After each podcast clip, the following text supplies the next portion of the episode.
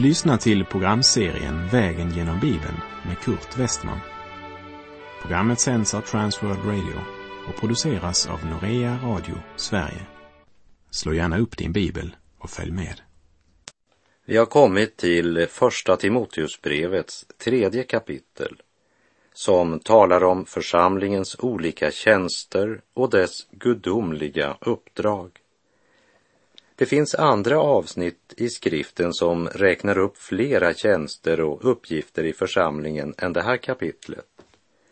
Men här fokuseras mera på personligheten och vilka egenskaper man bör kräva av den som kallas att tjäna Guds församling.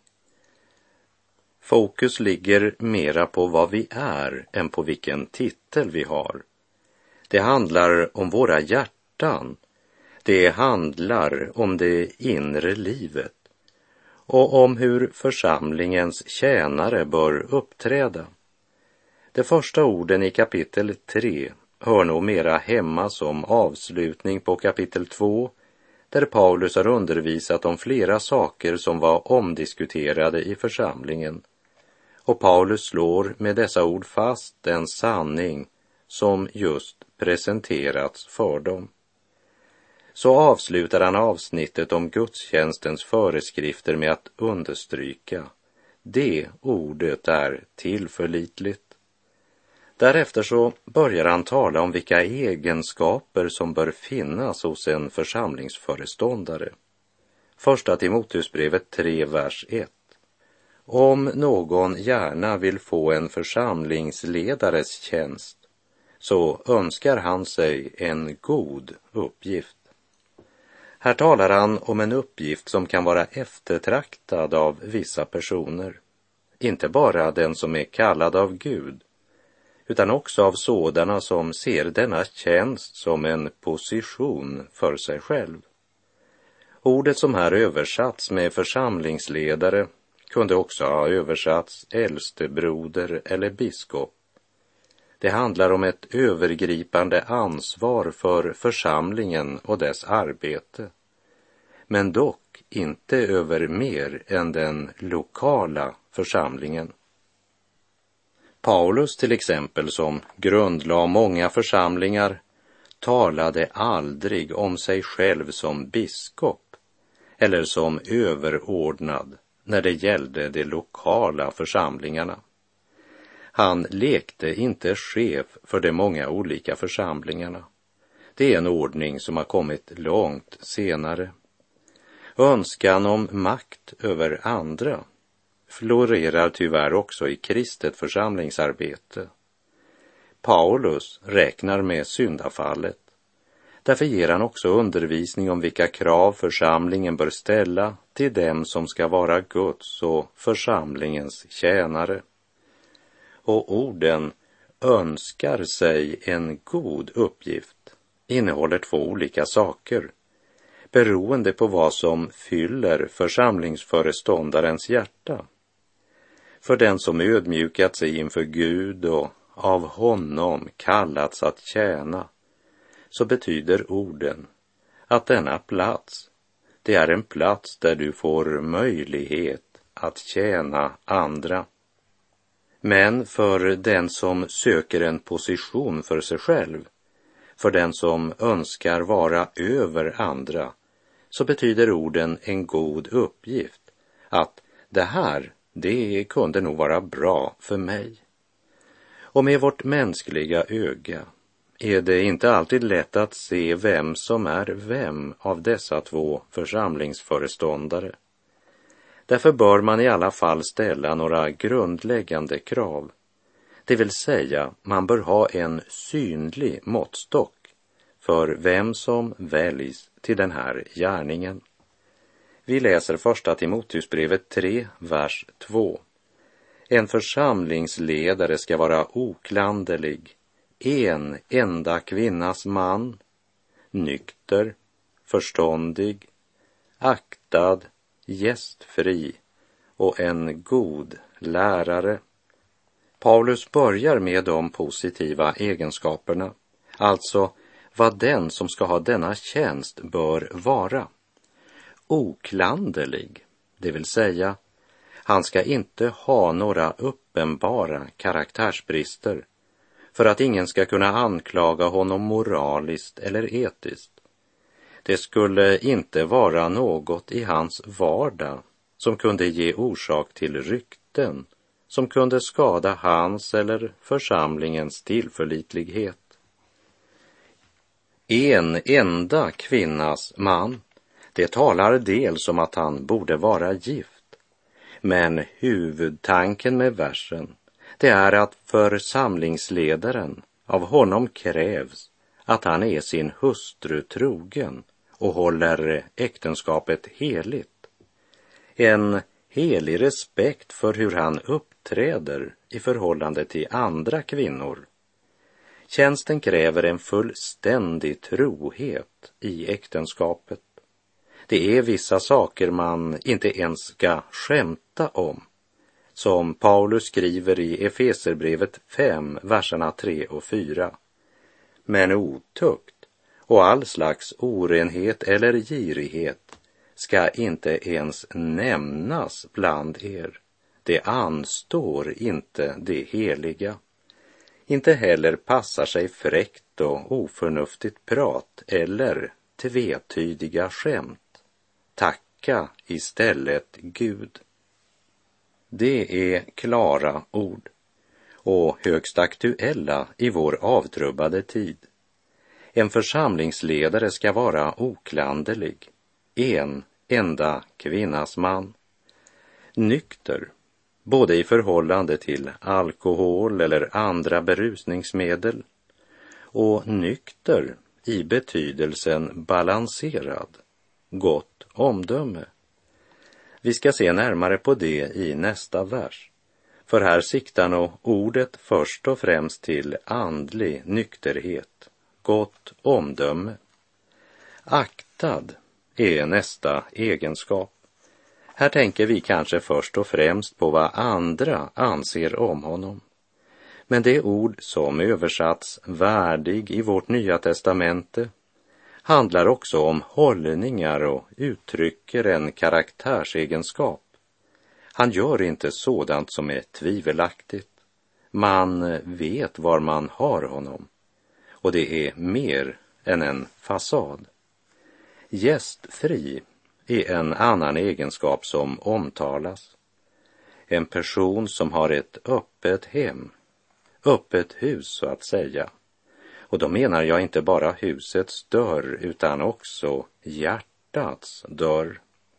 Hebreerbrevet 13.2 säger Glöm inte att visa gästfrihet Ty genom gästfrihet har somliga fått änglar till gäster utan att veta om det.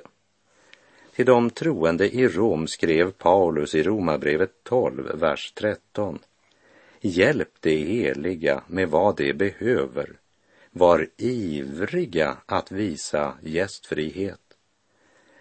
En församlingsföreståndare måste vara gästfri om han ska kunna tjäna Gud och församlingen på ett rätt sätt.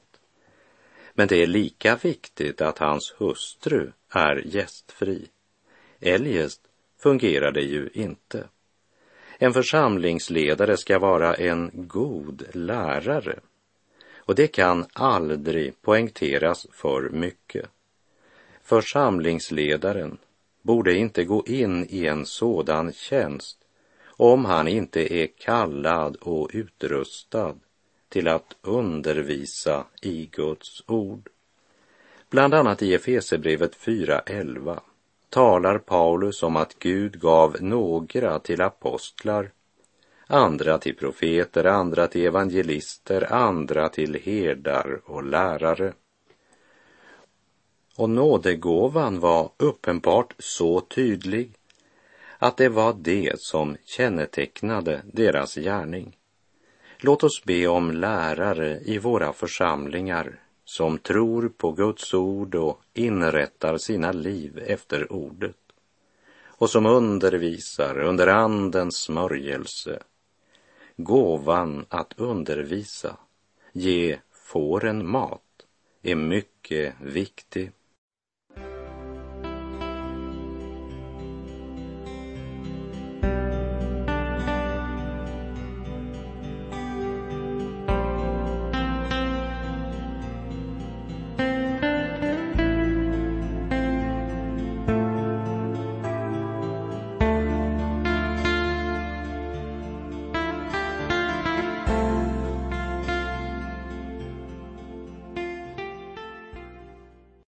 Vi läser första Timoteusbrevet 3, vers 3.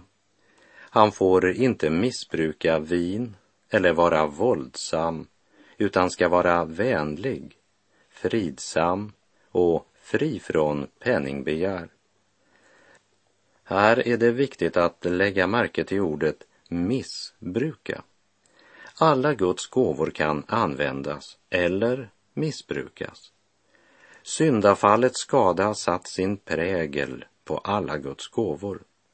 Därför får vi en helt ny syn på allt när vi genom Guds ord och Guds helige ande blir födda på nytt. Det är något av det Paulus uttrycker i Filipperbrevet 3, vers 7 och 8. Men allt det som var en vinst för mig räknar jag nu som förlust för Kristi skull. Ja, jag räknar allt som förlust därför att jag har funnit det som är långt mer värt. Kunskapen om Kristus Jesus, min Herre. För hans skull har jag förlorat allt och räknar det som avskräde för att jag ska vinna Kristus. Det vill säga allt värderas från en helt annan synvinkel. Paulus säger att en församlingsföreståndare får inte missbruka vin.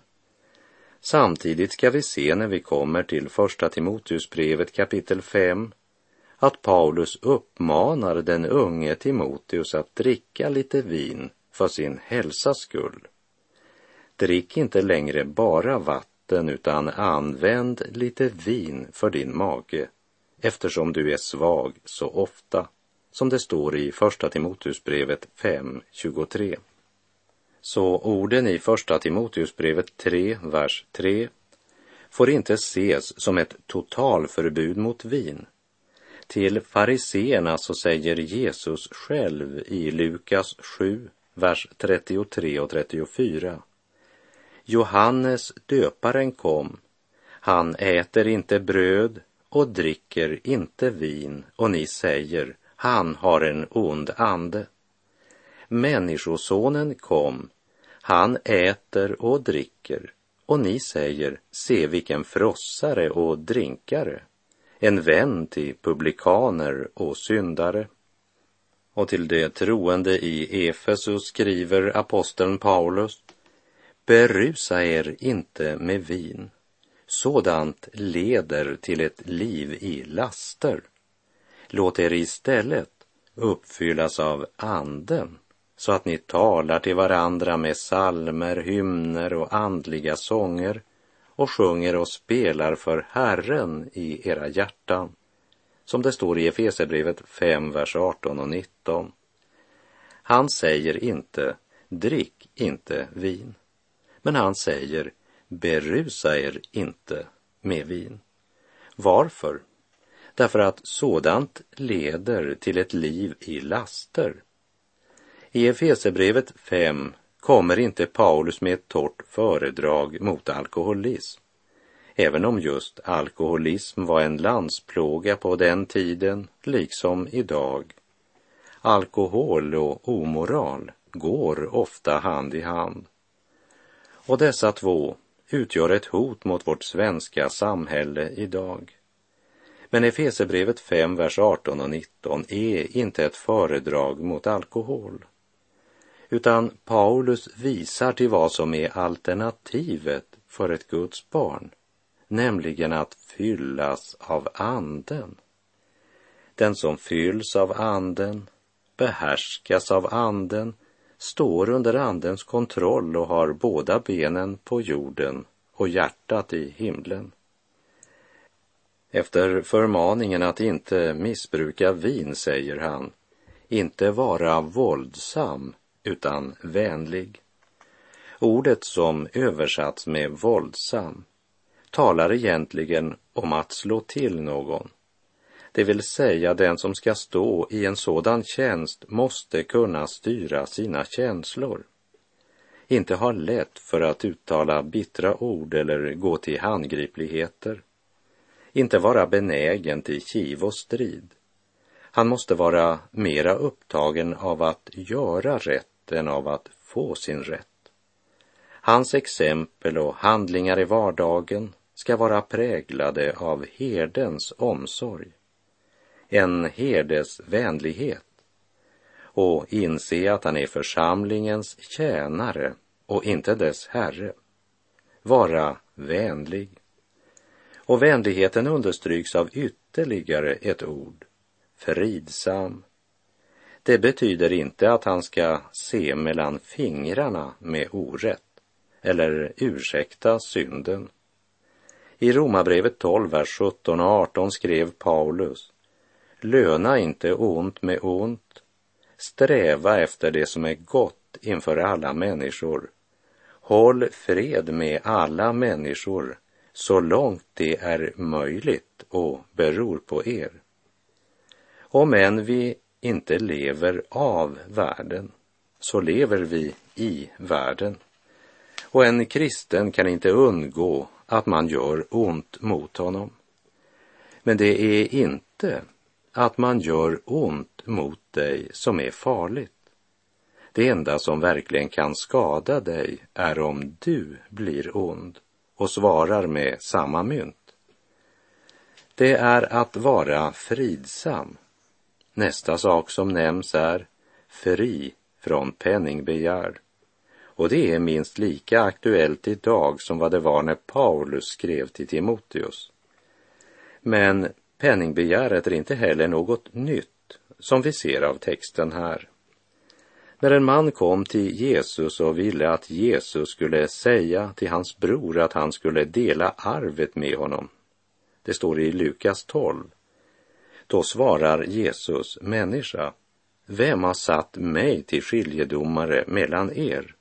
Sedan sade han till dem, se till att ni aktar er för all slags girighet, ty en människas liv består inte i att hon har överflöd på ägodelar. Och när vi kommer till kapitel 6 så skriver Paulus till Timoteus att de som vill bli rika, de råkar ut för frestelser och snaror och många oförnuftiga och skadliga begär som störtar människor i fördärv och undergång. Ty kärlek till pengar är en rot till allt ont. I sitt begär efter pengar har somliga kommit bort från tron och vållat sig själva mycket lidande. Så kärleken till pengar är något farligt för varje kristen. Men om den penningkäre dessutom är ledare i församlingen är det en katastrof. För hans kallelse är att även på det området vara ett levande exempel och ett gott föredöme. Och det här är inte minst viktigt för de som ansvarar för församlingens, missionens eller organisationens ekonomi. Han ska inte vara girig, varken för sin egen del, men heller inte girig å missionens eller organisationens vägnar i relation till andra grenar av Guds rikes arbete.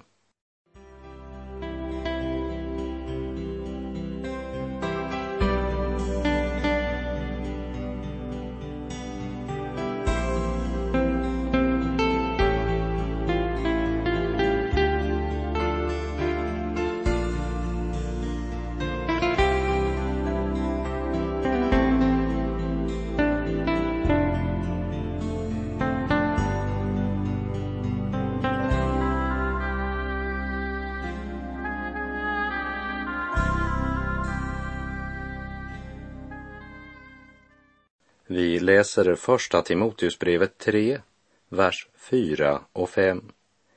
Han ska ta väl hand om sin familj och se till att hans barn lyder och visar all respekt. Men om någon inte förstår att ta hand om sin egen familj, hur ska han då kunna ta hand om Guds församling? Han ska vara herre i sitt eget hus utan att vara självisk eller uppträda som diktator. Han bör inte svika sina plikter som familjefar, varken när det gäller hustrun eller barnen. Den här punkten är en av de viktigaste och samtidigt en av de svåraste. Men kan han inte styra hemmet, hur ska han då kunna leda sin församling?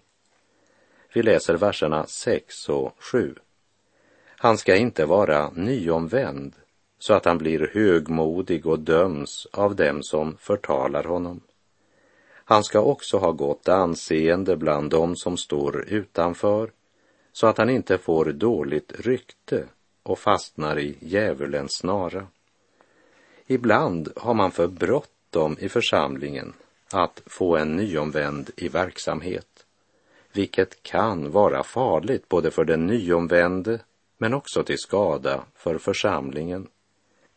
Som nyomvänd så fick jag nog ganska tidigt vara med och vittna lite grann i Frälsningsarmén. Men först fick jag också städa möteslokalen, sälja stridsropet och andra liknande uppgifter innan jag fick offentliga uppgifter.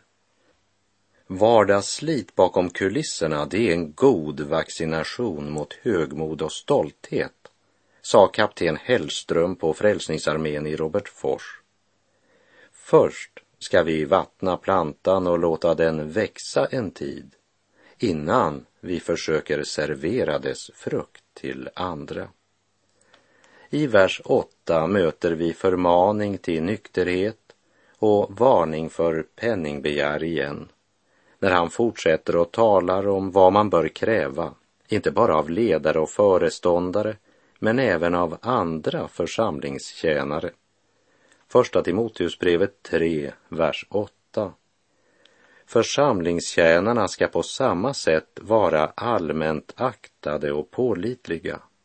De får inte missbruka vin eller vara ute efter pengar.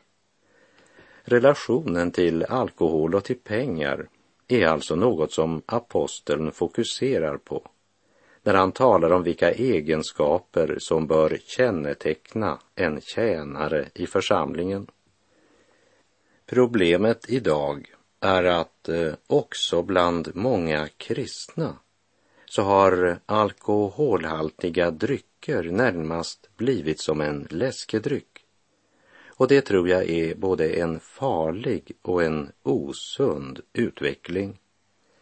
Ingen som tjänar i församlingen bör heller vara upptagen av personlig vinning, varken när det gäller pengar eller ära. Kristi församling, och jag talar här om lokalförsamlingen, är kallad att vara ett salt och ett ljus i världen samtidigt som den måste hantera frågor som församlingshus, värme, el och en hel del saker som inte verkar så romantiska. Men mitt i allt det här så är det fortfarande det viktigaste att församlingen har en andlig gärning och kallelse i lokalsamhället. Men ofta hamnar materiella och världsliga kvalifikationer så högt på värderingslistan att man glömmer att den andliga kvalifikationen måste gå först i församlingstjänsten. Men det ena ska inte utesluta det andra. Men det intressanta är inte vilken mänsklig utrustning du har, men om du lever så nära Jesus att han får använda dig. Det var därför Jesus sa, om någon förblir i mig och jag i honom bär han rik frukt. Ty utan mig kan ni ingenting göra, som det står i Johannes 15.5. Eller som Paulus uttrycker det här i brevet till Timoteus, vers 9. Det ska äga trons hemlighet i ett rent samvete. Det handlar alltså inte bara om att säga att man tror på Gud, men det handlar om att äga trons hemlighet, det vill säga känna Jesus. Han måste äga andens uppenbarelse över Guds rådslut i frälsning. Haft ett personligt möte med Gud för att därefter också fortsätta att vandra med Gud i vardag som helg. Vi läser första Timoteusbrevet 3, vers 10. Men också det ska först prövas. Sedan kan det bli församlingstjänare om det inte finns något att anföra mot dem. Han kan inte insättas i tjänst en månad efter att han gått med i församlingen. Innan man vet om han är den slags människa som skriften beskriver i dessa verser. Vi läser också verserna 11 till och med 16. Kvinnorna ska på samma sätt vara allmänt aktade, inte förtala någon, utan vara nyktra och trogna i allt. En församlingstjänare ska vara en enda kvinnas man. Han ska ta väl hand om sina barn och sin familj.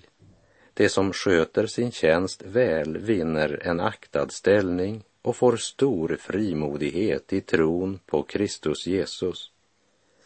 Detta skriver jag till dig i hopp om att snart kunna komma till dig. Men om jag dröjer ska du veta hur man bör förhålla sig i Guds hus, som är den levande Gudens församling, sanningens pelare och grundval. Och erkänt stor är Guds fruktans hemlighet.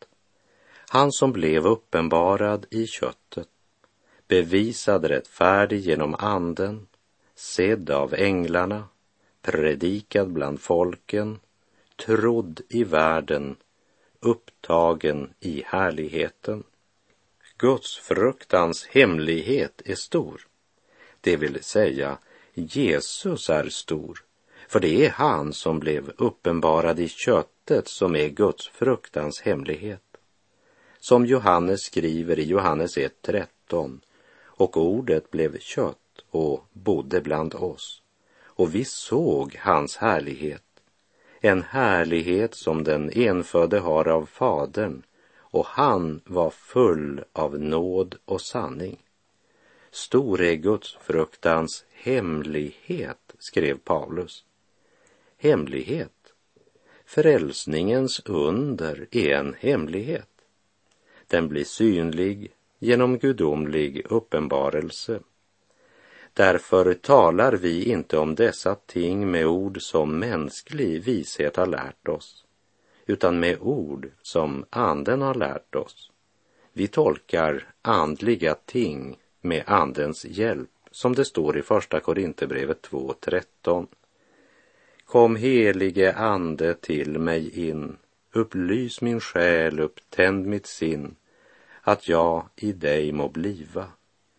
Låt lysa livets sol för mig och led mig på den rätta stig. Dig vill jag helt mig giva.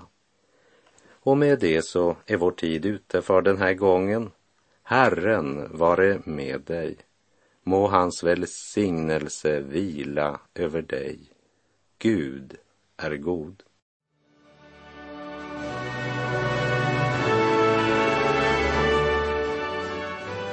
Du har lyssnat till programserien Vägen genom Bibeln med Kurt Westman som sänds av Transworld Radio. Programserien är producerad av Norea Radio Sverige.